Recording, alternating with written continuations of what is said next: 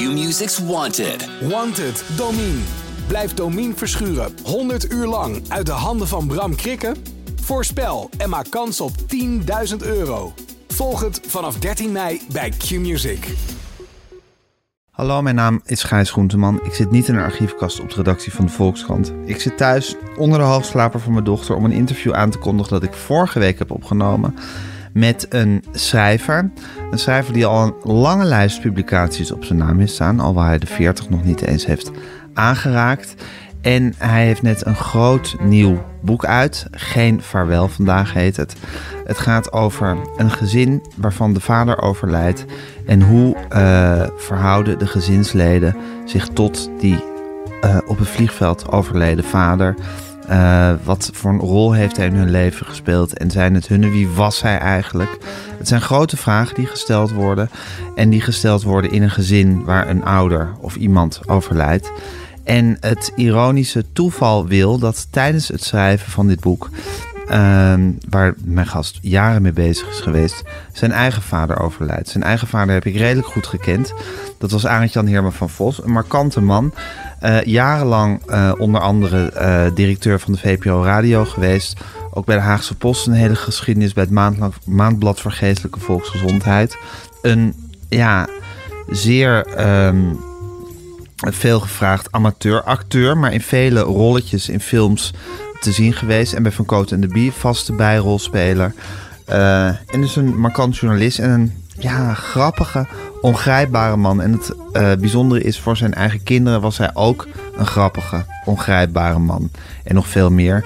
Uh, en zijn dood, zijn overlijden, viel eigenlijk, was eigenlijk synchroon aan het schrijven van het boek van mijn gast.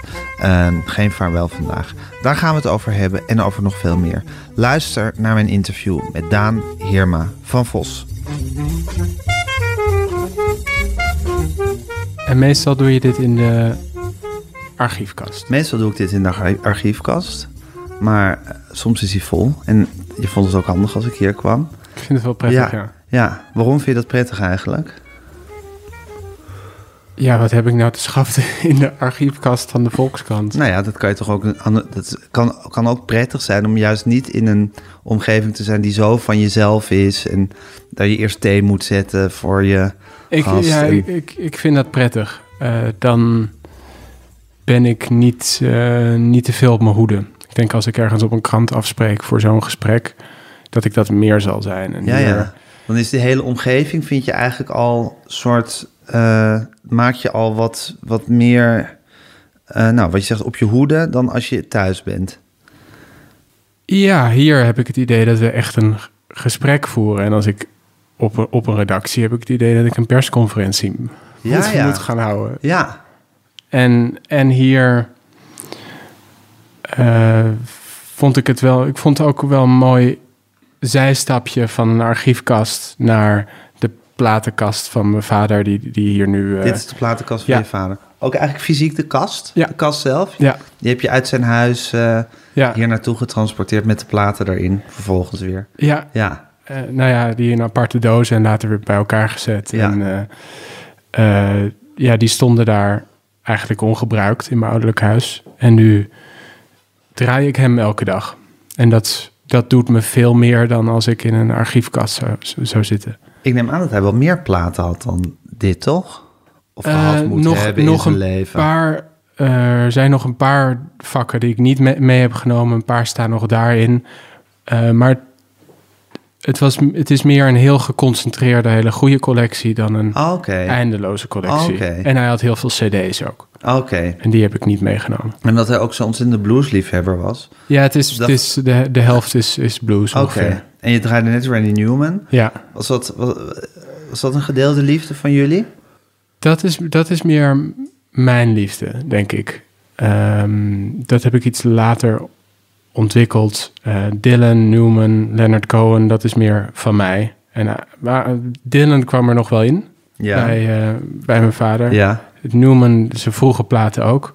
Leonard Cohen moest hij niks van hebben. Oh, daar moest hij niks nee, van hebben. vond hij een kwal. Nee, ik kende je vader een beetje. Ik vind ook in Leonard Cohen te pathetisch voor wat bij hem aan zou kunnen komen. Ja, nee, nee. Ja. Te, te, veel emotie, te veel gedragenheid. Ja, ja, ja. ja. Hey, en daar nu is dit een tijd vlak nadat je nieuwe boek is verschenen. Ja. Uh, geen vaarwel vandaag. Um, uh, wat, wat is dat voor een tijd voor je? Wat, wat, hoe, hoe is dat als je boek net in de wereld is? Ja, hoe, hoe is dat eigenlijk? Ik, ik vind het. Het was voor mij een be belangrijk boek en een groot werk. Dus eigenlijk voel ik nu veel meer rust dan, dan daarvoor. Ik heb iets afgeleverd waar ik heel, heel lang aan heb gewerkt. Um, is dat altijd zo met je als je een boek schrijft? Dat dat voelt als een uh, ja, maar hele met bevalling? Met deze in het bijzonder. En, uh, mijn laatste roman was lang geleden, is vijf jaar. Dus ik heb hier heel, heel veel aan gewerkt. Er zit heel veel, heel veel van mijn eigen leven in op een uh, gecodeerde manier. Mm -hmm. Dus het, gaat, het is allemaal niet direct. Maar voor mij, als je de sleutels weet, is het, is het heel persoonlijk. Uh, daarnaast gaat het grotendeels over een, een, vader die wegvalt, het boek. En dat is ingehaald door mijn eigen vader die, die wegviel. Dus het is een, ja, voor mij een belangrijk punt geweest. En ik ben alleen maar, ik voel me rustiger nu, dat, nu het weg is. En ook uh, merkend dat het goed, goed landt. Ja. Dat is ook anders dan wanneer, wanneer je hey, en... aangepakt wordt een boek schrijven, las ik ook in eerdere interviews met jou, is, is, is voor jou een, een ook een soort fysieke prestatie bijna om te leven. Dat wil zeggen dat je er, dat je er veel, veel aan geeft ja. aan het boek. Van je tijd en je energie en wat je in je hebt. Uh, dus als je aan een boek begint, moet je ook wel weten van dit boek gaat het waard zijn om, uh, om mezelf aan te geven. Ja, ik, ik ben nooit goed geweest in iets op halve kracht doen. Dus als ik begin aan een boek, dan is het, uh, bepaalt het voor een heel groot deel mijn gedachten. Voor een lang, lange tijd. Uh, en dat is soms een beetje latent en soms heel, heel aanwezig. En kan ik echt aan niet veel anders denken. Zo heb ik, ja, zo heb ik altijd alle dingen gedaan. Of, het, of ik nou vroeger op het voetbalveld stond, dan was er ook niks belangrijkers dan die wedstrijd. Dan ging ik er helemaal in op. Moest ik winnen, wat vrij potsierlijk was. Want op een gegeven moment zat ik in een vriendenteam. en iedereen wilde gewoon een balletje trappen. En ik wilde per se winnen van Jos Watergaafs meer elftal elf of zo. Ja. Uh, en dat, maar dat heb ik eigenlijk ook met, met schrijven. Dus het is... Er heb staat je het met voor schrijven mij... en met voetbal of heb je het met nog meer dingen? Ja, eigenlijk met alles. Hm.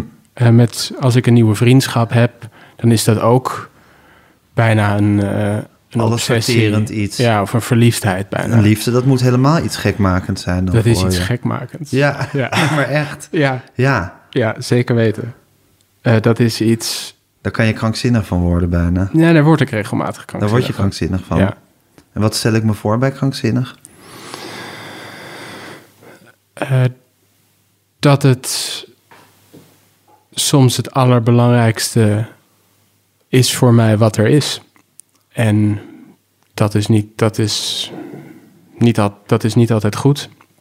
En zeker als mijn uh, geliefde woont, woont in New York, dus we, spreken ook, we zien elkaar soms maanden niet.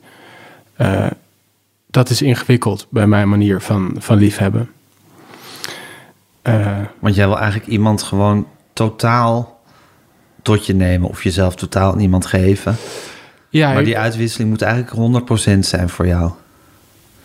Eh, ja, de overgave wel. Ja. Dat is iets anders dan een symbiose. Eh, dat, daar ben ik niet naar op zoek. Maar overgave wel. En, maar goed, wat vaak, wat vaak gebeurt bij mensen die daarnaar verlangen... eh, als dat dan niet helemaal lukt of niet helemaal, om welke reden dan ook, niet helemaal direct wordt beantwoord, doen ze een stapje terug. Eh, dus doe ik eigenlijk, mijn gedrag is vaak eigenlijk het tegenovergestelde van wat ik verlang. Ik ben niet een makkelijk iemand om. Maar je doet dat stapje. Je, je trekt je terug. Ja, Dus je wil, je wil totale overgave. Maar dan ga je dus, als je het niet krijgt, ga je niet in de overdrive. Dan, ga je niet de, word je niet een soort stalker. nee. Maar eerder dan, dan, dan ga je jezelf eh, onbereikbaar maken. Ja. Ja, En in die onbereikbaarheid hier word je dan, daar, daar zal zich die krankzinnigheid dan in uiten. Ja. Dan, dan draai je hier dol ondertussen in je huis. Ehm, ja, die momenten zijn er wel, ja. ja. Eh, en soms ga ik wel in de overdrive. Ja, ja, Ja. ja. Maar om nou te zeggen... Maar, om, maar gewoon een soort matige reactie, de ene of de andere kant. Ik bedoel, een beetje bestaat dan eigenlijk niet. Nee, Eigenlijk wel heel heilzaam voor je dat je nu een vriendin hebt die voor een deel van het jaar in New York woont. Het is natuurlijk het is een fantastische training voor je. Oh ja, zo had ik het ook kunnen bekijken. Eh, ja, misschien wel. Misschien wel. Ja. Maar eh, een iets normalere manier van liefhebben zou ook wel, goed- ja, zou wel goed Ben zijn. je ook jaloers eigenlijk? Nee. Dat niet. nee, dat ben ik nooit geweest. Ik, eh, ik, ik heb al, al mijn liefdes altijd 100% vertrouwd. En er zo op vertrouwd dat Dat dat vertrouwen ook is beschaamd, neem ik aan. Tenminste, zo, zo klinkt het. Nee, nee, nee. Ik dat bedoel, eh, ik bedoel juist dat als er dan een keer iets gebeurde of moest gebeuren, dan vertrouw ik erop dat dat nodig was. Oké. Eh, ja, en Ja, ik- ja, maar daar, daar, daar zit die overgave niet in, wat jou betreft. Dat je, dat je wil dat, dat je helemaal op elkaar gericht bent, alleen maar. Dus ook gewoon in sociale contact. Ik heb bedoeld helemaal niet met vreemdgaan of amoureuze dingen, maar het is niet zo dat je iemand helemaal wil claimen voor jezelf. nee, nee, Nee, nee, nee, nee. nee, helemaal niet. Alleen, ja, wat is die, wat is die overgave dan? dan ehm,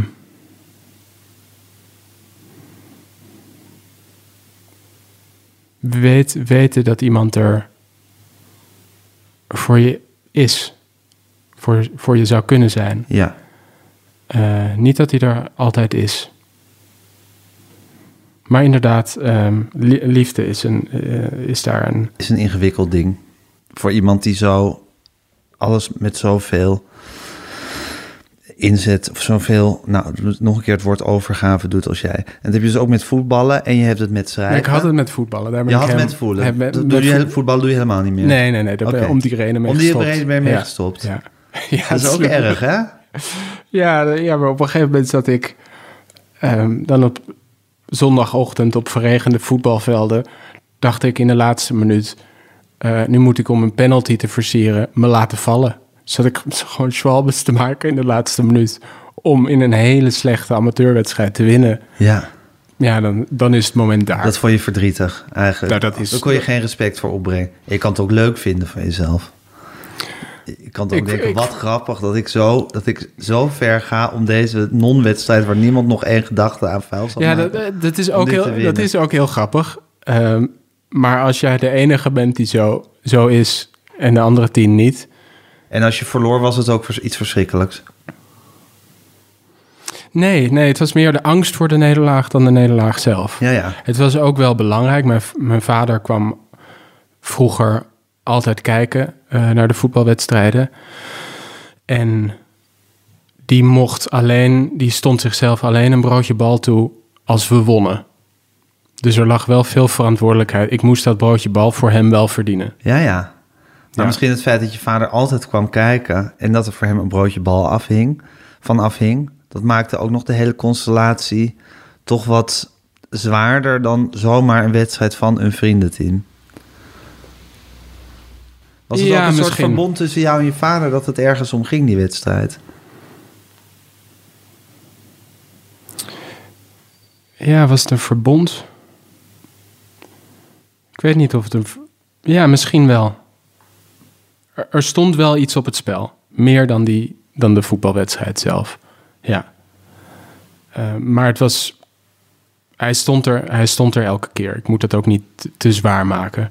De meeste vaders staan er überhaupt niet. Hij stond daar altijd in zijn, in zijn regenjas. Met Maar ook toen zon- al volwassen was. ja, en zelfs na, nadat ik gestopt was, en dat is al, al wel een tijd geleden, zeven jaar geleden of zo, mijn broertje is gewoon doorgegaan. Dus mijn vader bleef komen naar mijn, mijn broertjeswedstrijden. Dus dat was iets. Dat was een. Was dat hetzelfde team of was dat een ander team? hetzelfde team? Ja, precies. Ja. Dus het was niet zo dat hij twee wedstrijden elke week bezocht. Nee. Maar hij ging naar jullie gezamenlijke wedstrijd, ook Ja. jullie volwassen waren. Ja. En Kijk, dat je, dat je als ouder naar je kind zijn Nee, wedstrijd eh, gaat, is, is iets, want dan wil je steunen. En dan, Nee, tot, eh, tot eh, een paar jaar geleden nog. ja, En mijn broertje is, is ook al een aantal jaar in de dertig. ja. Stond hij, stond hij daar gewoon. Waarom denk je dat dat was?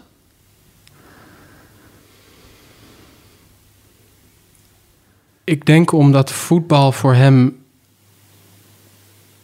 een. dat dit een manier van liefhebben was die hij begreep, die hij kon opbrengen en die ongevaarlijk was.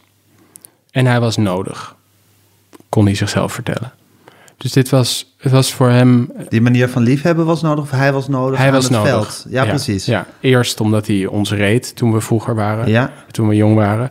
En later omdat hij als enige supporter daar stond. Ja, precies. Dus de noodzakelijkheid was ook heel belangrijk voor hem. Dat zag je ook in zijn vriendschappen bijvoorbeeld. Eh, hij kon alleen van iemand... Hij kon zich alleen openstellen of geven als hij noodzakelijk was. Ja. Zoals hij het gevoel had, ik ben nummer vijf in de rij... dan, dan, dan trok hij zich terug. Ja, ja. En er moet ook een soort gevoel van functionaliteit zijn. Ja, Ja, Ja, Dus hij fleurde iets- helemaal op als, eh, als er met ons iets, eh, iets was en hij, hij, hij kon ons naar het ziekenhuis rijden of zo. dat, dat was hij helemaal iets element. Ging Ja. hij in de kantine lekker iets eten. Het is grappig, want ik bekeek die documentaire nog een keertje. Die fascinerende documentaire die Pieter Hoef over jullie, Ver- Verhoef over jullie gezin eh, gemaakt heeft. En daarin vertelt Arend Jan, jouw vader, eh, dat hij had dus een zusje wat op jonge leeftijd is, is overleden door een, door een auto-ongeluk. Of een motor, Motor, de motor ja. heeft haar aangereden bij hun voor de deur.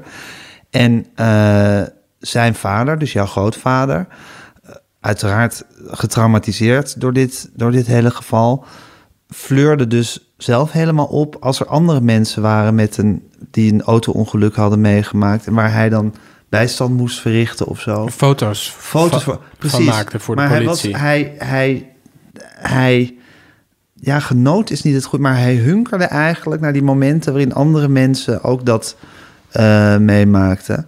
En ik, eh, ik denk hier aan wat jij zegt, fleurde, fleurde, op, eh, fleurde op, omdat Arend Jan ook zo'n soort woord gebruikte voor zijn vader.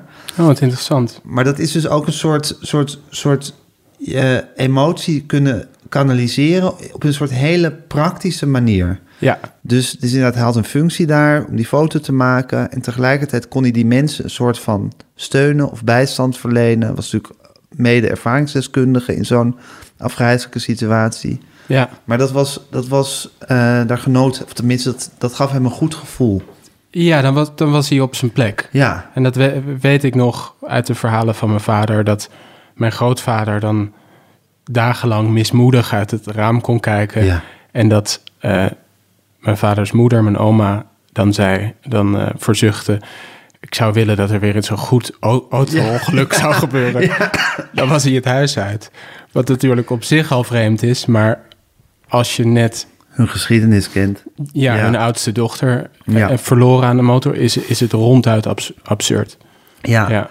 Maar het grappige, of het ding is, dus als, als je dit nu vertelt over Arend Jan, denk ik dat is eigenlijk een beetje hetzelfde op microniveau, veel minder dramatisch. Maar dat hij eigenlijk emoties en liefde en steun het beste kon uiten als er een soort hele functionele setting voor was. Da- dan voelde hij zich het veiligst, ja. Ja, Ja, en, en dan begreep hij dat. Ja. Hij begreep die situatie. ja, Ja. En zo stond hij dus elke keer als jullie voetbalden, stond hij daarbij te kijken. ja. De laatste jaren, toen, me, toen mijn broertje nog doorvoetbalde, werd dat lastiger. Ehm, kwam hij ook soms niet. Maar in principe zou hij er nu eh, nog staan, als hij, als hij nog leefde. Dit geluid is overigens van thee. Ik ben niet aan het Plassen. plassen onder tafel. En ehm, hoe vond je dat, dat hij daar stond? Ik vond het heel ontroerend en ik vind het nog steeds ontroerender worden als ik, als ik eraan denk.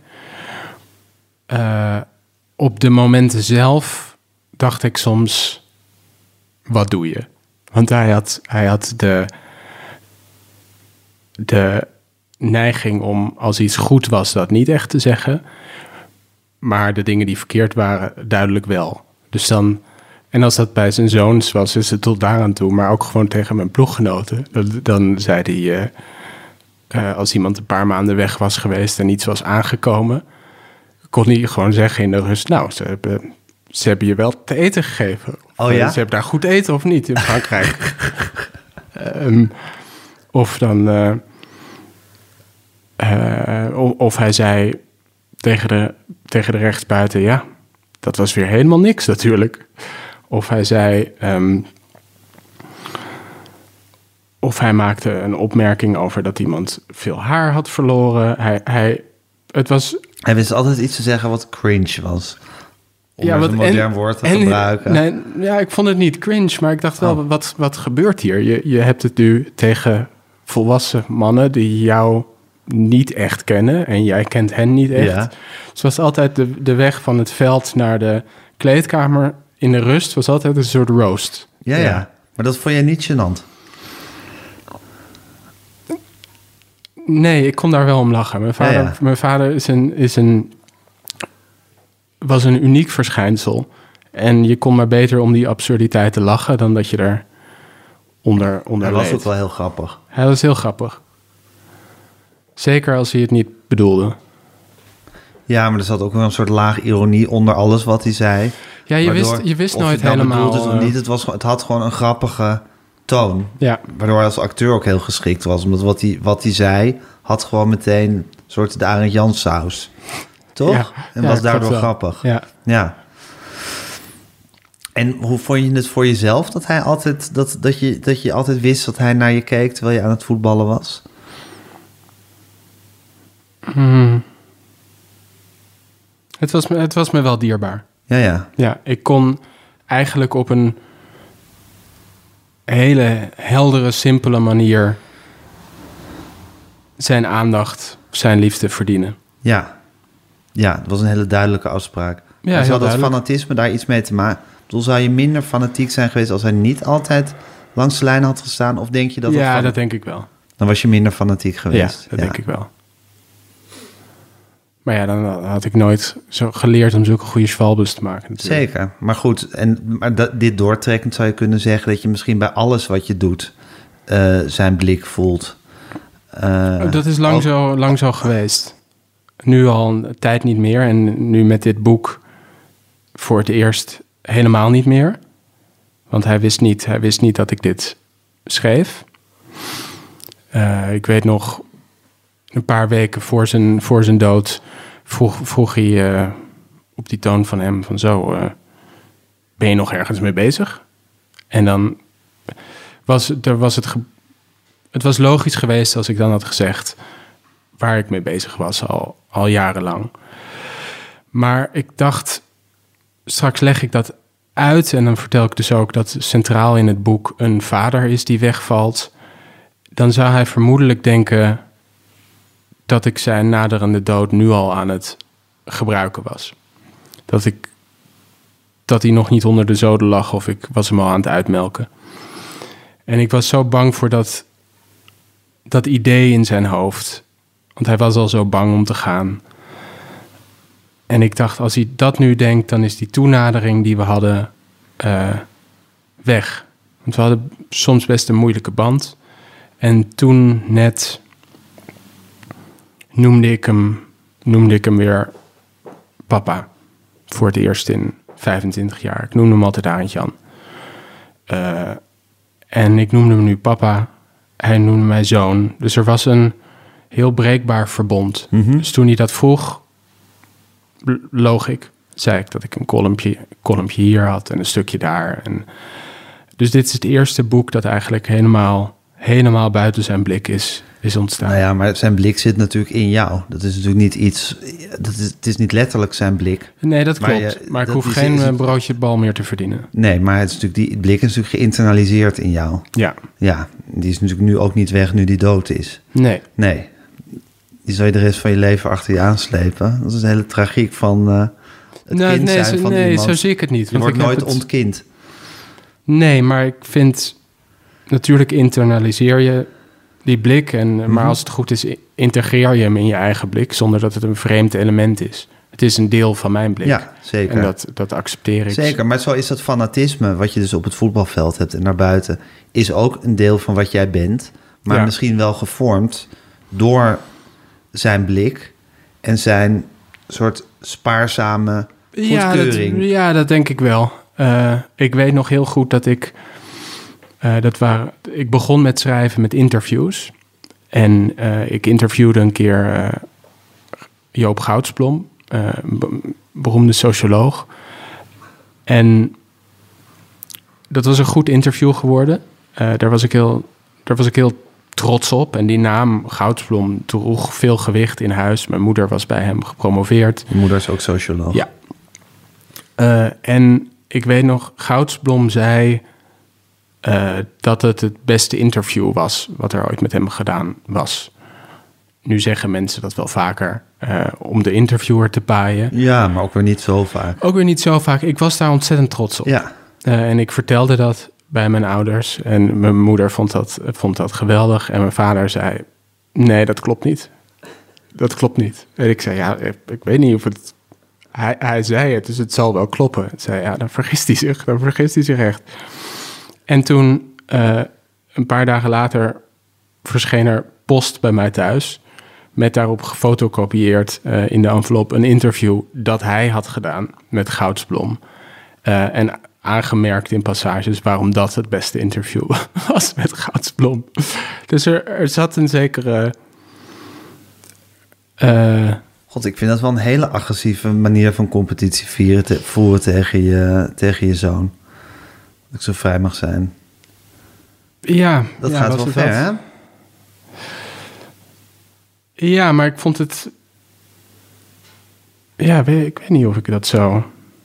Het viel zo buiten de marges van de normaliteit dat ik het niet erg vond. Nou, dat is heel lief van je dat je dat niet erg vond. Maar ja, aan de andere kant, je hebt hem 25 jaar geen papa willen noemen. Dus, dus ergens zal er toch ook wel een daad van verzet in jou ik zijn weet niet of ik hem niet wilde. Ik denk dat ik het niet helemaal durfde. Je durfde het niet. Denk ik, ja. Waarom niet?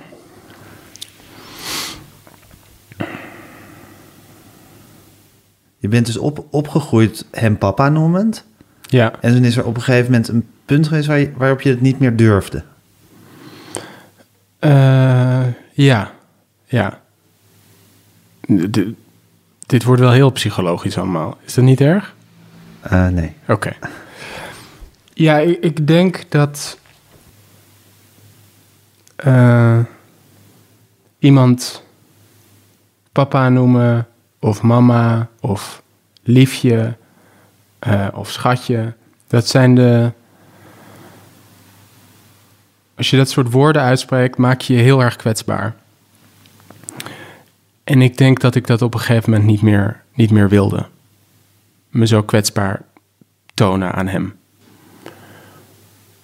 En dat ik toen, dat ik hem toen aan Jan ben gaan noemen. Waarom maak je jezelf kwetsbaar als je zo'n woord gebruikt?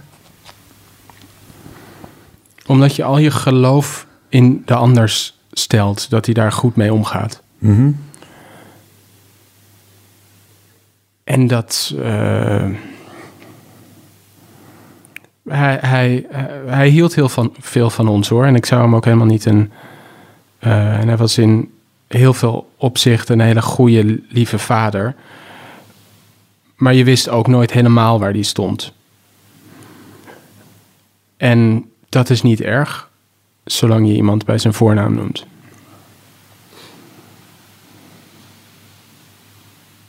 Ja, ja, want dan heb je... eh, als je iemand papa noemt, dan... eh, eigenlijk zeg je daarmee... is het niet zozeer wat je, wat, je, wat je iemand anders vindt... maar hoe je jezelf tot iemand verhoudt. Eigenlijk lever je daarmee uit aan iemand. Ja. Want dan zeg je, ik ben, ik ben je zoon. Ja, En als je iemand schatje noemt, zeg je, ik ben je geliefde. Dus Ja. ik ben aan jou toegewijd, zou ik maar zeggen.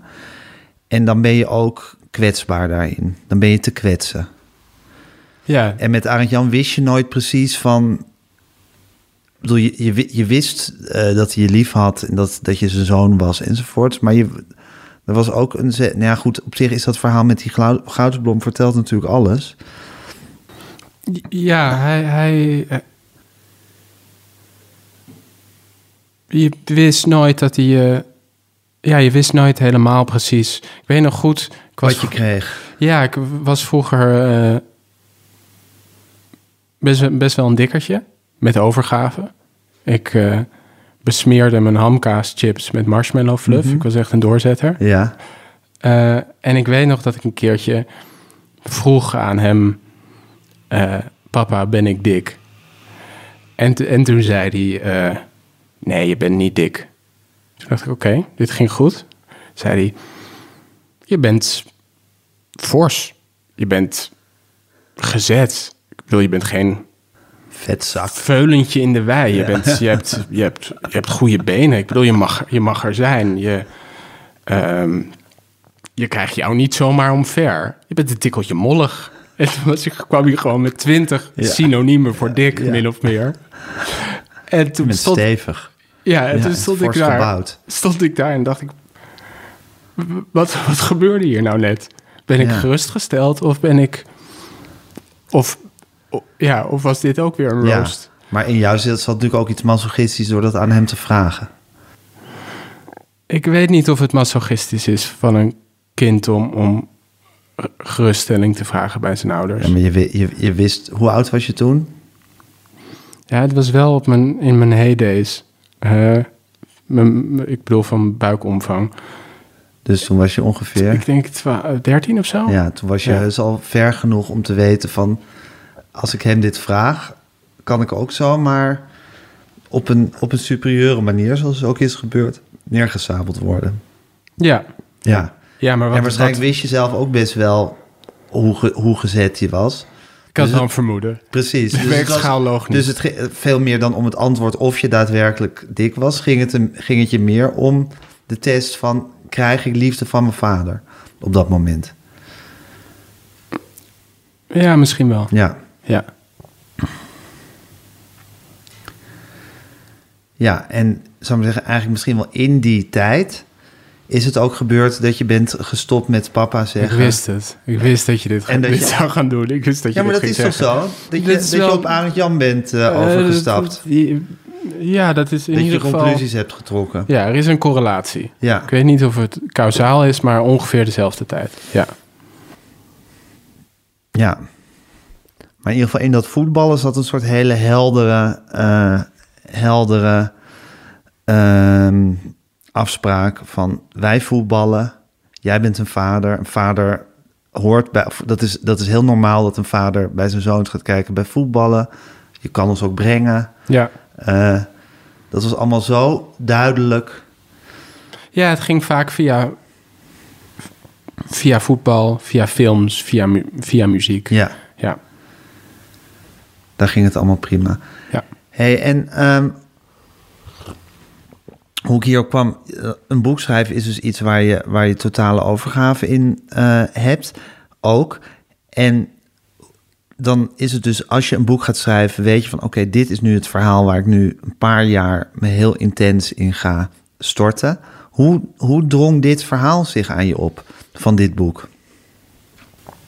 Ja, het, het thema van afscheid drong zich, drong zich op al langer. Eh, en dat, dat had met mijn vader te maken. Ik, we hadden geen idee dat hij, dat hij ziek was, maar je zag dat hij steeds minder kon, steeds minder durfde. Zijn leven werd kleiner. Hij was, zonder dat hij dat zelf zou zo zeggen, al een beetje afscheid aan het nemen. Hij draaide geen muziek meer. Eh, het werd gewoon stiller. Wanneer is hij gestopt met muziek draaien? Een paar jaar voor zijn dood. Ja. Ja, en toen was, was hij zelfs... wilde hij ineens al zijn muziek... zijn collectie en zo verkopen. En dat was, was heel raar. Oh ja? Een heel raar moment, ja. Want dat druiste in tegen, tegen alles. Ja. Ja, want hij was, hij was, nou, ik wil niet zeggen in de eerste plaats, maar muziek was, was een, was ja, een hele duidelijke... van al, vanaf zijn achttiende al. Ja. Eh, die platen waren extreem belangrijk. Dus daar gebeurde, daar gebeurde iets heel... Ja, en ook het, het, het feiten kennen over muziek en het praten erover. En Ja, ja, dat was echt, dat was, dat was zijn, zijn wereld. Ja, hij, hij luisterde, dat heb, heb ik eh, daar liggen. Hij luisterde als kind altijd naar de radio eh, en hield hij alles bij. Ik heb daar een boekje liggen van, door hem geschreven toen hij tien was of zo, met allemaal eh, onbekende muzici. Dus alfabetisch georganiseerd. Ja. Dus allemaal namen die op de radio voorbij kwamen. En van de trompetist, Ja. eh, iemand die trombone speelde. Nou, gewoon Albert, Hans, trombone. Ja. En dan gewoon A tot en met Z zoveel mogelijk opschrijven. Van mensen die niemand kende. Ja. Had geen nut. Ja. Maar het was, het was heel belangrijk. Het was een, zijn universum. Dus toen hij dat ineens wilde, zij te willen verkopen, was dat een heel alarmerend moment. Eigenlijk hadden we toen moeten zeggen: we gaan naar het ziekenhuis. Eh, maar goed, het, het onderwerp afscheid drong zich dus op. En ik merkte dat ik steeds vaker thuis. Ja, ik zeg thuis, maar ik, ik woon al vanaf mijn ouderlijk 18, huis. ja, vanaf Ja. mijn 18 alleen. Eh, ik weet dat ik naar hem, steeds vaker naar hem keek als. eh, alsof, het, alsof hij zich al aan het losmaken was. Alsof het een herinnering was. Dus ik werd ja, bewogen om na te denken over zijn over afscheid. En dan dacht ik weer, wie is deze man nou? En daar gaat het boek eigenlijk over. Niet over hem per se, maar Over Eh, drie kinderen ja. die ga- zich afvragen wie hun vader was. ja, Ja, En zoals iedereen die iemand verliest, eigenlijk daarna kun je pas in alle vrijheid nadenken: wie was deze, wie was deze persoon? ja, Eh, dan, dan heb je ineens de, de rust en de vrijheid om de puzzelstukken te gaan leggen. Eh, en kom je er dus ook achter dat die persoon allerlei andere levens heeft gehad. Ja. Dat, je die, dat je hem of haar eigenlijk helemaal niet, niet helemaal kende. Hoe meer je van iemand houdt, hoe slechter je hem kent in veel opzichten. Omdat je er dan vanuit gaat dat je iemand helemaal kent. En dan kom je erachter dat hij, dat, dat helemaal niet, niet zo is. En die taak van Maar ik denk dat jij bij jouw vader bij uitstek helemaal niet dacht dat je hem helemaal kende. N- Nee, ik dacht niet dat ik hem helemaal, helemaal kende. Ik dacht wel dat ik hem voor een groot deel in kaart had gebracht. Maar, eh, helemaal... Maar meer zijns ondanks.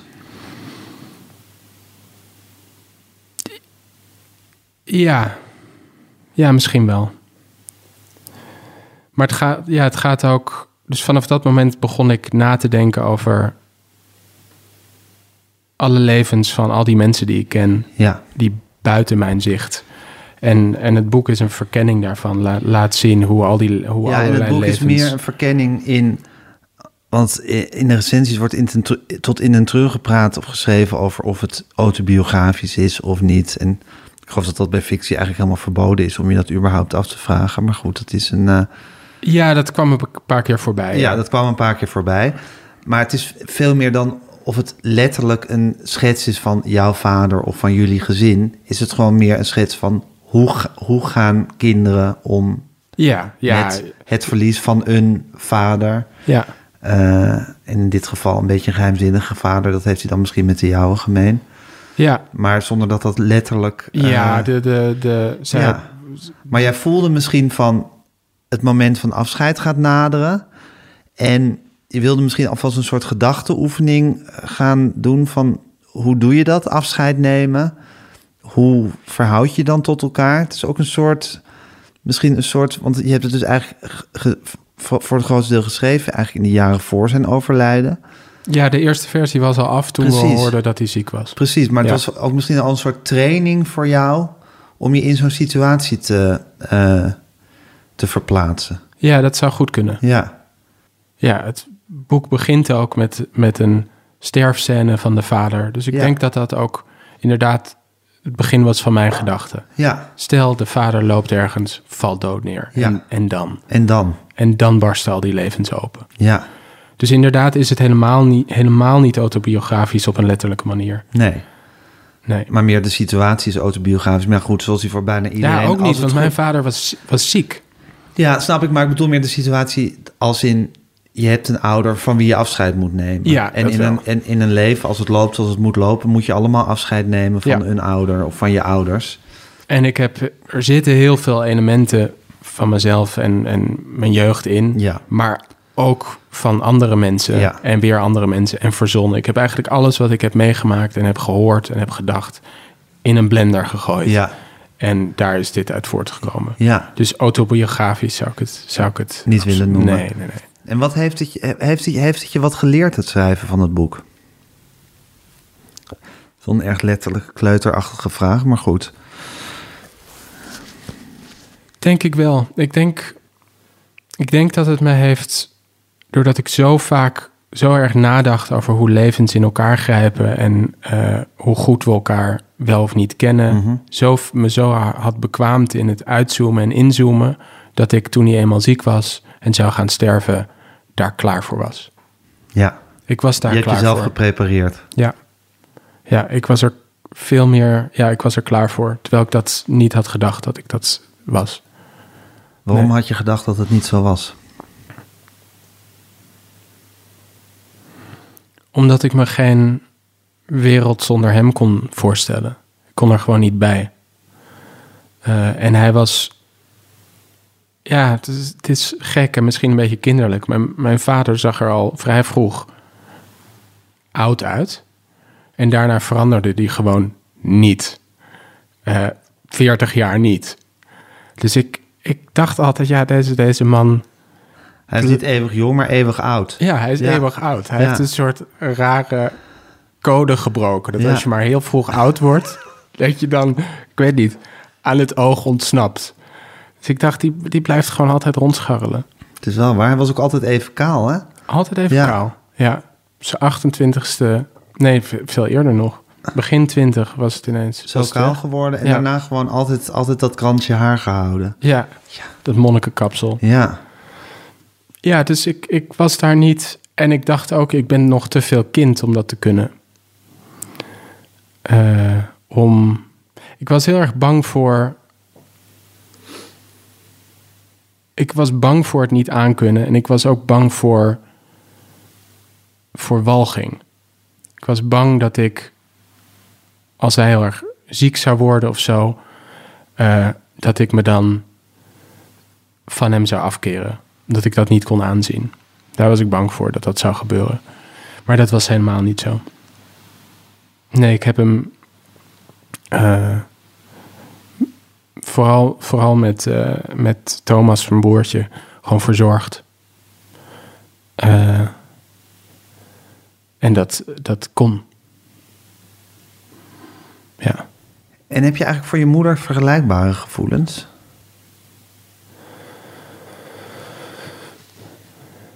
Nee, nee, mijn moeder. Mijn moeder is. Ik bedoel, je kent iemand nooit helemaal. maar Mijn, mijn, mo- mijn moeder is, Is geen, je moeder. is geen vraagteken. Nee. Nee. Het is toch grappig hoe hij zich zo groot heeft weten te maken hè, in jullie levens. Dat dwong hij af. Ja, Om iemand die zich niet laat kennen, dwingt dat af. Dwingt af dat je over hem blijft nadenken. Zeker als, als kind, denk ik. Dat geldt niet alleen voor Thomas en mij, maar ook voor Sandra en Laura, zijn kinderen uit een eerder, eerder huwelijk. Het was, een- was een- grote figuur. Ja, ja. Er zit wel iets vreeds in dat je, dat als je je als ouder echt onsterfelijk wil maken in het leven van je kinderen, of echt, ja moet je onmogelijk zijn. ja, nou echt, echt, echt wil dat ze naar je blijven hunkeren, Ja. Moet, je, moet je jezelf gewoon eh, onduidelijk maken. Ja. Dan krijg je later het meest zendtijd. Ja, Ja, dat Ja. klopt. En daar zit, daar zit voor de, de, de goede ouder, de betrouwbare ouder, de veilige ouder, zit daar iets vreeds in.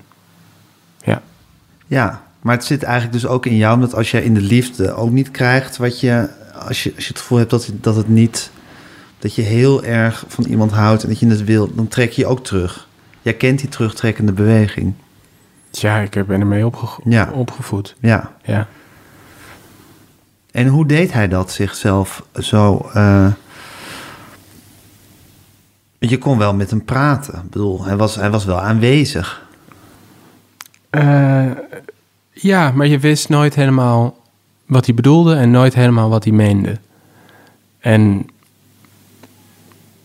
Maar goed, dat is ook een goede, dat is een goede vraag. Ik weet niet precies Nee. hoe, die, hoe die dat deed. Nee, maar het lukte hem. Het lukte hem, ja.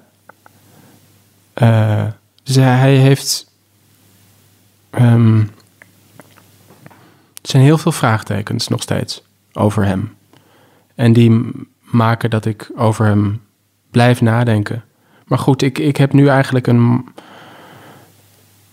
Ik begrijp hem nu beter dan ik hem ooit begrepen heb. En ik, ik denk dat ik meer van hem hou dan ik ooit van hem gehouden heb. En elke dag Ja, ja, zijn dood is eigenlijk heel heilzaam geweest, wat dat betreft. Voor ja, relatie. En zijn, en zijn sterfbed. Ja, toen we echt. eh, Ja, toen hebben jullie nog, ik heb je daar eerder over gesproken op de radio. Maar dat is, dat is heel eh, goed gegaan, hè, eigenlijk, tussen jullie. dus ja, Ja. Dus, eh, hij liet bijna niemand toe, maar, maar Thomas en mij wel. Eh, en ook in de dagen vlak voor zijn dood, dat hij eigenlijk. dat hij wist dat het ging gebeuren en, en het niet. nog niet echt kon accepteren. Vond hij het fijn als ik in de buurt was en als ik zijn haren kamde en als ik eh, een beetje. Hij liet me voor mijn gevoel dichterbij komen dan ooit eigenlijk. Ja. En wat zijn eigenlijk nog die grote vragen? Ik bedoel, ik hoef ze niet stuk voor stuk te weten. Maar in, in, wel- in welke, welke categorie moet ik die grote vraagtekens zoeken die je nog, nog altijd hebt? Ik denk dat die over, over liefde gaan. Over, over liefde en angst. Waar die toch. Ik zou graag nu nog een ges- gesprek met hem voeren over. met de vraag: waar was je nou toch zo bang voor? Nu ligt alles achter de rug. Je hebt niks meer te vrezen. Waar was je nou zo bang voor? Met, bij ons. eh, in het leven, voor de dood? Wa- wa- waarom was je zo bang? Eh, maar ik, ik, heb, ik heb heel veel van die gesprekken. Maar je hebt zelf ook je hele leven met een, met een onredelijke angst geleefd. ja, klopt, maar dat, dat was een ander, ander soort iets. Denk je? Ja, bij mij was het altijd aan de oppervlakte eigenlijk. Mhm. Of, of het was er niet, maar het was, eh, het was nooit permanent, maar, maar onder de oppervlakte, zoals bij hem. Maar ik heb heel veel, ik heb nog gesprekken met hem gevoerd eh, in mijn dromen. Ik heb eh, het jaar na zijn dood om de week een lange brief aan hem gestuurd, want zijn, zijn eh, e-mailadres werkte nog gewoon. Eh, dus ik dacht, ik ga hem gewoon mailen en brieven sturen. Dus dat heb ik een jaar lang gedaan. Het waren, waren goede gesprekken. Tikkeltje eenzijdig, maar het waren goede gesprekken. Ik heb niet het idee dat er nog heel veel... nog een gekke residu ligt of zo. Ik heb hem... Ik heb hem, ik heb hem geaccepteerd. Ja, ja. En daarmee ook de vraagtekens geaccepteerd. Ja, Ja. ja. Het zijn waarschijnlijk, vraagte- het zijn waarschijnlijk vragen waar, waar hij zelf ook nooit antwoord op gegeven zou kunnen hebben. Nee, Had hij het en, gewild en, nu, en nu, ja, nu zijn de rollen omgedraaid. Hij, eh, ik wilde hem al- altijd van alles van hem weten als kind. En nu voel ik me meer de ouder die, die kijkt naar zijn leven en denkt: ach jongen, toch, waarom, waarom was dat zo lastig? Ja. Waarom kon, kon je niet simpelweg zeggen: ik hou van je, ik ben trots op je? Waarom heb je, je, heb je jezelf omdat je zo bang was om eenzaam te zijn, waarom heb je jezelf zo eenzaam gemaakt? Want dat hoefde niet. Dus ik ook daar meer- kan natuurlijk dezelfde eh, redenering, onbewuste redenering, aan ten grondslag hebben gelegen als waarom jij hem geen papa noemde. Dat Ja, je jezelf nee, precies ook- hetzelfde. Ook zo kwetsbaar maakt met, door dat te zeggen. precies hetzelfde. Ja. Maar dan veel, veel sterker. Ja, en natuurlijk wat, wat ik bedoel, dat, dat wantrouwen, hè, dat zit ook in die film eh, van Pieter Verhoef, die documentaire die over jullie gemaakt is. Heeft Ja. het ook over dat, dat, dat eeuwige wantrouwen bij hem opgelopen, tenminste zo analyseert hij dat zelf. Eh, omdat zijn ouders hem niet hadden verteld dat zijn zusje was eh, overleden, maar daarover logen dat ze ziek was. Of dat Ja, ze- steeds veranderende leugens. steeds veranderende leugens. Ja, en Eh, tot- uiteindelijk hoorde hij het Uiteindelijk hoorde hij het precies. En dat heeft bij hem, nou, zo analyseert hij het zelf daar, voor een permanent wantrouwen eigenlijk Ja, in, nee, in dat- mensen dat gezorgd. ja. En ehm, nou goed, dat, dat wantrouwen zal hij misschien dus ook gevoeld hebben in het uiten van liefde. En altijd gedacht, nou kan me beter maar een beetje weerbaar opstellen. Ja, denk Ja. het ook. Nee, het is me allemaal eh, niet onbekend, maar Nee, maar het- ik, ik, ik, ik, ik eh, vat het even samen voor mezelf. ja. Ja. Hey, en eh, je hebt in dat boek natuurlijk dus ook geschreven over iemand die dus een geheimzinnig leven leidt. Eh, dus los van dat het niet letterlijk dat geheimzinnig leven is, heb je ook willen verdiepen in wat, wat, wat eh, hoe, hoe leid je een geheimzinnig leven? Of hoe kom je ertoe om een geheimzinnig leven te leiden? ja. Ja, En hoe werken eh, wonden van vroeger, trauma's, door in iemands leven? En dat zijn hele andere trauma's dan bij mijn vader. Maar dat vond ik iets wat in literatuur helemaal ja, niet goed. Eigenlijk veel te simpel wordt dat, wordt dat weergegeven. namelijk. Vaak, nou ja, vaak dat iemand eh, één ding heeft meegemaakt vroeger en daar niet van loskomt. En alles komt daarin komt daaruit voort. Ja. En diegene weet dat ook. En eigenlijk heel simpel en schematisch. Ja, Terwijl eh, het bijzondere van, van trauma is dat degene die het, die het heeft, het vaak niet, niet eens weet.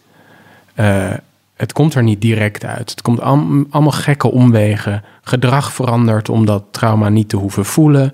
Dus eh, eigenlijk is het veel. Het zijn geen directe lijnen. Het is eerder de werking van een trauma is eerder omgekeerd magnetisch. Je, eh, het duwt gedragingen van zich af. Het verstoort je op een, op een hele gekke manier die je zelf niet eens, die je zelf niet eens door, doorhebt. En dat is hoe het gaat in, in mensenlevens. Mensen eh, komen niet tot één groot inzicht. Mensen zijn hun hele leven lang op de vlucht voor dat, in, in, voor dat inzicht. En dat wilde ik laten zien. En dat kan alleen door, door ja, met een alwetende verteller dat te laten zien. Ja. En st- stukjes. Dus jij weet meer als lezer dan, dan de hoofdpersoon. ja, Maar dat is de, de, de tragiek van, van veel mensen. Niet dat ze een trauma hebben, hebben, maar dat ze niet weten dat ze een trauma hebben. ja. En dat vond ik iets wat ik... eh, Ja, vond ik Ja, en bijna... literatuur is ook heel vaak, of een verhaal is heel vaak heel oplossingsgericht.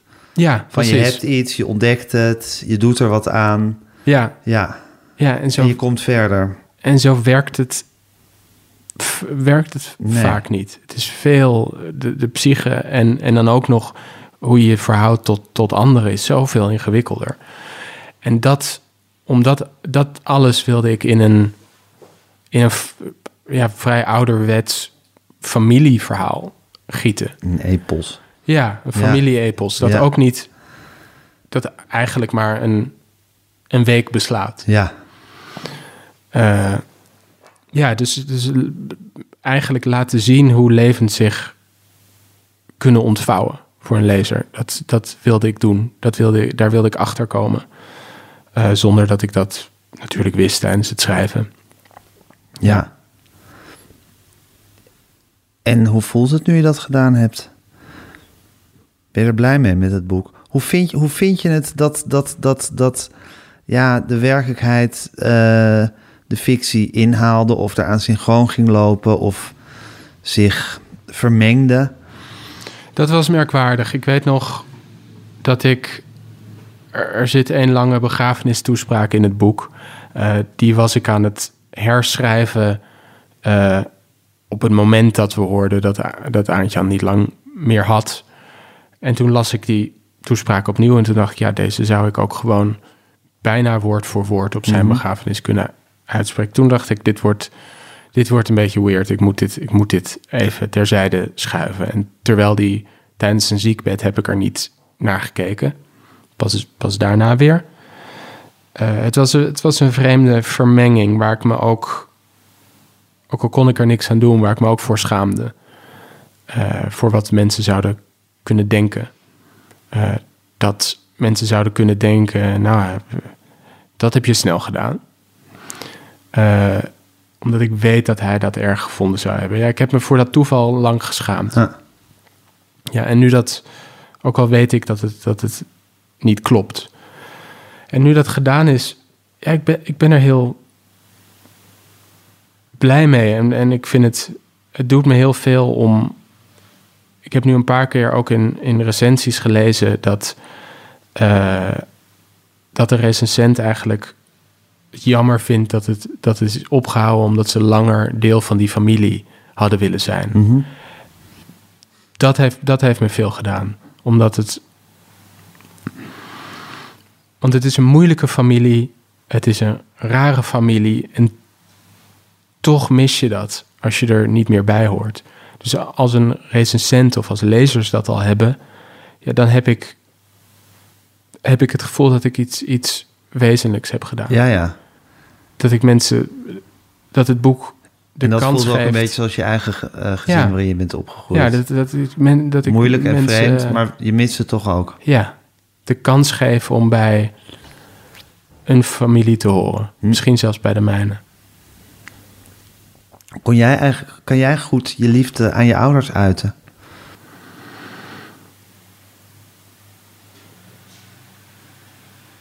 Ik heb. Nee, ik denk het eigenlijk niet. Nee. Bij mijn, bij mijn vader. Nou, aan het, einde, aan het einde wel. Heb ik hem een keer.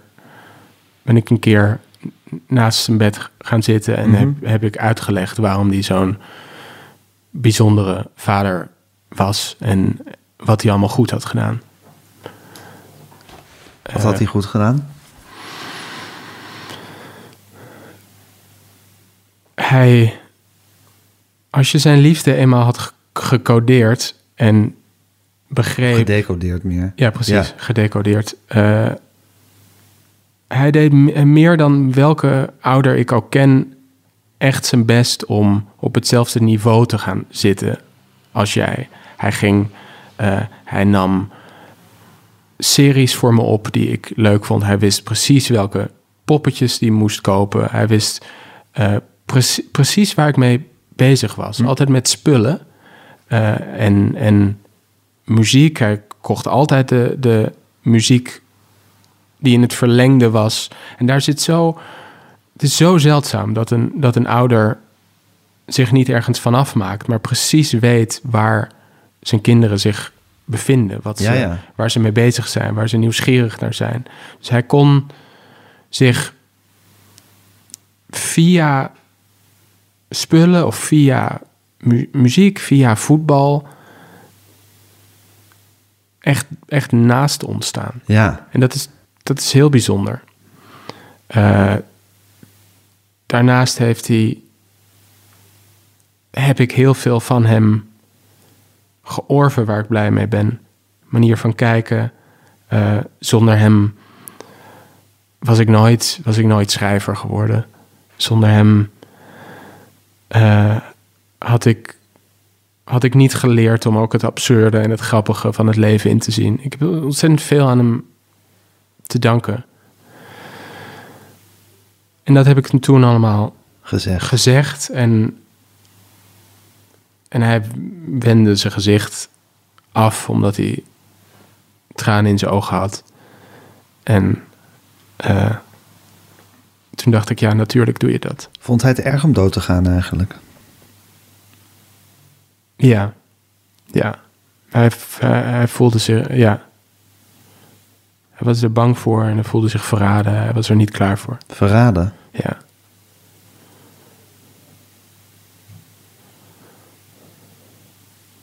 Ja. Het gekke is, je schreef een fascinerend artikel toen hij was overleden over loods met spullen die jullie van hem eh, vonden. Hij was dus een, hij was iemand die nooit iets weggooide. En nog veel gekker dan je je ooit had kunnen voorstellen. Hij bewaarde dus alle, nog heel veel dingen in een loods waar jullie niets, niets van, niet van bestaan eh, afwisten. Ja. Zal hij ook bang zijn geweest dat hij dacht van nu, nu ben ik er niet meer bij om de, om de dingen eh, te maskeren die er zijn? Het is natuurlijk ook een soort Nee, ik denk wel dat hij bang was dat de orde nu verstoord zou raken. verdween. Ja, omdat hij gewoon de, het, de verbindende factor was Ja, tussen, tussen- alles. Tussen al, die, herinneringen, al die spullen, Ja, al die lijstjes. ja. Als, als hij zou wegvallen, dan Is de logica er niet meer. chaos. Ja, Ik denk dat hij heel bang was voor die chaos. ja, ja, ja. Ik denk niet dat hij concreet bang was voor die, die loods die we, die we vonden. Die, die vreemd was, maar ook alleen maar ontroerend. Het waren vooral eh, poppetjes uit zijn jeugd. Die hij allemaal apart met krantenpapier had ingepakt. Dus eigenlijk al zijn kinderspeelgoed stond daar. Had hij dus nooit verteld. Eh, ja. Wat een figuur. Ja. Ja, ik denk, daar was hij bang voor, voor die chaos. Ja, het is een soort, soort gigantische, eclectische verzameling... waar één soort verbindende factor is. Ja. En als die wegvalt, dan is het, dan, dan is het geen verzameling meer. ja, het is een beetje zoals die laatste scène van Citizen Kane. Eh, wanneer hij er niet meer is. En, ze, Ja. en ze, je ziet die enorme loods met al die spullen. En je ziet eh, die slee, Ja. die Rosebud Ja. heet. En dat is de sleutel. Tussen al, al die zooi ligt er één sleutel. Ja. En de enige die weet op welk slot die sleutel past, is er nu niet Ja. meer. En zo was het ook. Ik had we keken naar al die spullen en ik dacht, ja, de kijker weet mis- misschien wat, wat Rosebud hier is, maar ik niet. Nee. Ja, het grappige is dat het natuurlijk in je vaders geval in extreme mate zo is, omdat hij dus en iemand was die niks weg- weggooide en iets geheimzinnigs had. Maar in feite is het natuurlijk bij iedereen zo. Ja, Dat als, het, als, als, je, als je zelf wegvalt uit je leven, dat alles eromheen, al je vrienden, al je contacten, alle spullen die je hebt, alles wat je met zorg en liefde je hele leven hebt opgebouwd, valt meteen uit elkaar. ja, want mensen weten niet wat het is. Mensen kunnen het niet lezen. I- Nee. Ieder mens is een, is een eigen universum. En Ja. in dat universum heerst een orde, een Ja. logica, Ja, die alleen jij kent. ja. Jij bent Dus dat de is- enige sleutel. Ja, dus dat is het, eh, het tragiek, de tragiek als er iemand overlijdt. Het is niet alleen dat die persoon er niet meer is, maar er is net een heel universum, universum ten gronde gegaan. En niemand die het ziet. Hey, en Daan, ik kan me voorstellen dat je je vader mist, maar dat je er gek genoeg ook een hoop voor hebt teruggekregen. Ja, het is een, het is een heel liefdevol soort missen. Ja, Ik, ik zet elke dag een plaatje op. Ik kijk naar die foto die naast de pick-up... soort klein, nou, het is geen altaartje, maar je hebt, je hebt een rouwkaart heb Ja, je, een rouwkaart. heb je daar neergezet. Ja. Eh, en dan, dan eh, voel ik me een soort DJ van zijn leven. Ik trek gewoon een, een plaat uit de kast en dan denk ik aan hem. En ik denk eigenlijk nooit met iets onvervuld of iets Nee, moeilijks aan hem Nee. terug. nee. En dat boek heb je nodig gehad, behalve dat je gewoon een boek moet schrijven, want dat is nou eenmaal hoe je in elkaar zit. Ja, Ja, ook om jezelf gewoon eh, op, voor dit moment klaar te krijgen. ik denk het wel. Ja, Ja. ja. Nou, dat is toch ook mooi, hè? Dat dat, eh, dat, dat zo werkt. ja, dat weet je pas achteraf. Ja, Veel, en daar gaat het boek ook precies over. De verklaring komt altijd nadien. ja. Vind je het jammer dat hij het niet heeft kunnen lezen? Of ben je daar ook wel blij om? Het is, go- het is goed zo. Ja, Ik, ja, ik weet niet hoe die het zou hebben gevonden.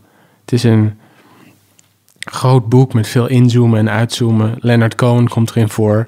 Ik weet niet helemaal of dit, of dit of zijn. het zijn cup of tea was Ja. geweest. ja. Ja, En, en ik vind het ook eigenlijk wel heel mooi dat dit...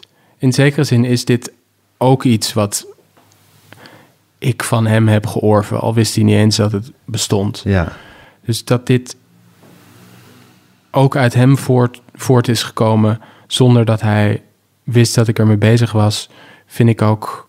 Het markeert iets in mijn, Ja. in mijn leven. Hey, en nou even tenslotte. ehm eh, ik vind dat verhaal over dat, dat Goudsblom-interview... dat vind ik dus huiveringwekkend. Dat vind, ik vind het een prachtig verhaal... maar ik vind het ook een huiveringwekkend verhaal. Ehm, Ja, ik niet, maar Nee, maar dat is heel lief van je dat je dat niet vindt. Maar als je het met enige afstand bekijkt, is het, gaat het vrij ver. Ja, omdat namelijk twee dingen, ver, een, een, het ene interview vergelijken met het andere is natuurlijk waanzin. Want ja, Ja. iets is niet beter dan het andere. En om, om dan zo frontaal eh, je zoon de loef af te willen steken... door te gaan aanwijzen waarom iets beter is... ze- ze- ze- nou goed, ik zou het, eh, ik zou het moeilijk hebben gevonden eh, in jouw positie... of als ik in die positie was geweest. Maar hoe reageerde hij op je boeken normaal gesproken, Jan? Kon hij die met liefde, en op die van Thomas... kon hij die met liefde lezen en waarderen... of liefdevol Ehm, bekritiseren? Hij had meer met de boeken van Thomas dan met de mijne. Hij, hij zei eh, meestal eh, dat het niet helemaal zijn soort lectuur was. Eh, maar hij, ja, hij, was, hij was trotser op stukken die ik, die ik schreef, bijvoorbeeld in de krant. Dat vond hij makkelijker. Ik heb, ik heb altijd om een of andere reden vrij grote verhalen willen vertellen. En hij houdt meer van heel, heel kleine, kleine dingen. Ja. Maar ik had niet het idee, hij begreep het gewoon niet. En dat was ook wel veilig, want daardoor hoefde hij me niet een ander boek op te sturen dat hij beter vond. Eh, ja, maar ik, ik, hoor, ik hoor van anderen dat hij wel degelijk trots was. Zoals dat vaker gaat. En daar moeten we het maar mee doen. Ja, dat is wel meer dan de meeste mensen krijgen. Ja. Dankjewel, Daan. Jij bedankt. Dit was Met Groenteman in de Kast met Daan Heerma van Vos. Mijn naam is Gijs Groenteman. Maakte deze podcast eh, samen met Fanny van der Rijt en Tamar Bot. Redactie. Eh, alles netjes in uw oors bezorgd door Julia van Alem. Eindredactie. eh Corine van Duin. U kunt ons volgen op Instagram. @metgroenteman. U kunt ons een mailtje sturen. podcasts.volkskrant.nl En geef ons toch vooral lekker veel sterretjes.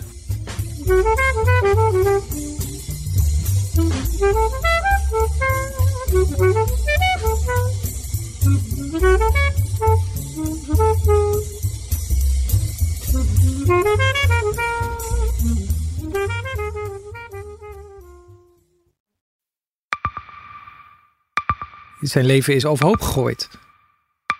Plus dat heel veel mensen hem niet geloven. Vrienden niet, die, die denken, ja, hij is gewoon gek geworden. Hoe naar moet dat zijn? Als je vertelt over de meest indringende ervaring uit jouw leven en niemand gelooft dat je het echt hebt meegemaakt. Ja, ik vind zelf niet dat ik het verzonnen heb, maar sommige mensen denken dat wel. Maar hoe kom je erachter of jij het doelwit bent van een geheime dienst?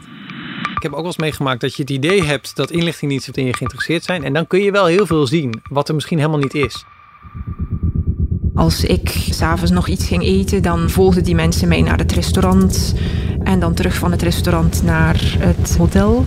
Als zij op een gegeven moment zei, kijk maar uit, want anders word je dadelijk nog ontvoerd ook. Shit, ik moet hier weg. Dat is, is niet goed. Nu word ik gevolgd. Een soort Truman Show is het gewoon. Hè?